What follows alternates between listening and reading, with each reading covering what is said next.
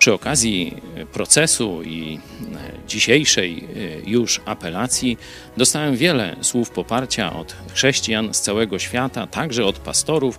Dzisiaj podzielę się pociechą od ukraińskiego pastora. E, on wie, co to znaczy stracić wszystko, tułać się, e, wie o różnych dużo cięższych prześladowaniach, jakie Rosja sprowadza na Ukrainę, ale pochylił się i nad moją sprawą, modli się za mnie, udziela wsparcia i polecił mi Psalm 62 jako Bożą pociechę. Przeczytam wam najpierw jeden, werset szósty.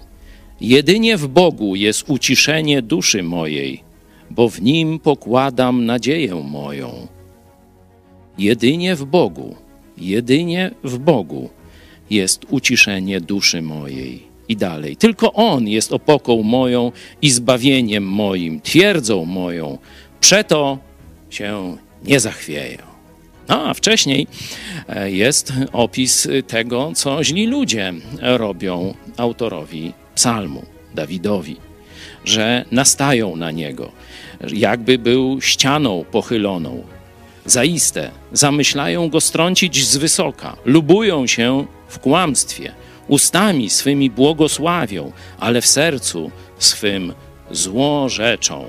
I kilkukrotnie powtórzona jest ta myśl: jedynie w Bogu, jedynie w Bogu jest uciszenie duszy mojej. Oczywiście, Bóg używa ludzi nawet użył tego pastora, żeby wskazać na to słowo.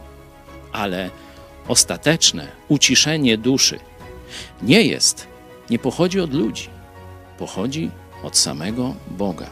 On pokazał naszą miłość do nas, posyłając swego syna. To czyż nie zrobi wszystkiego, co jest potrzebne dla naszego dobra tu na ziemi, byśmy byli wiernie Jego świadkami?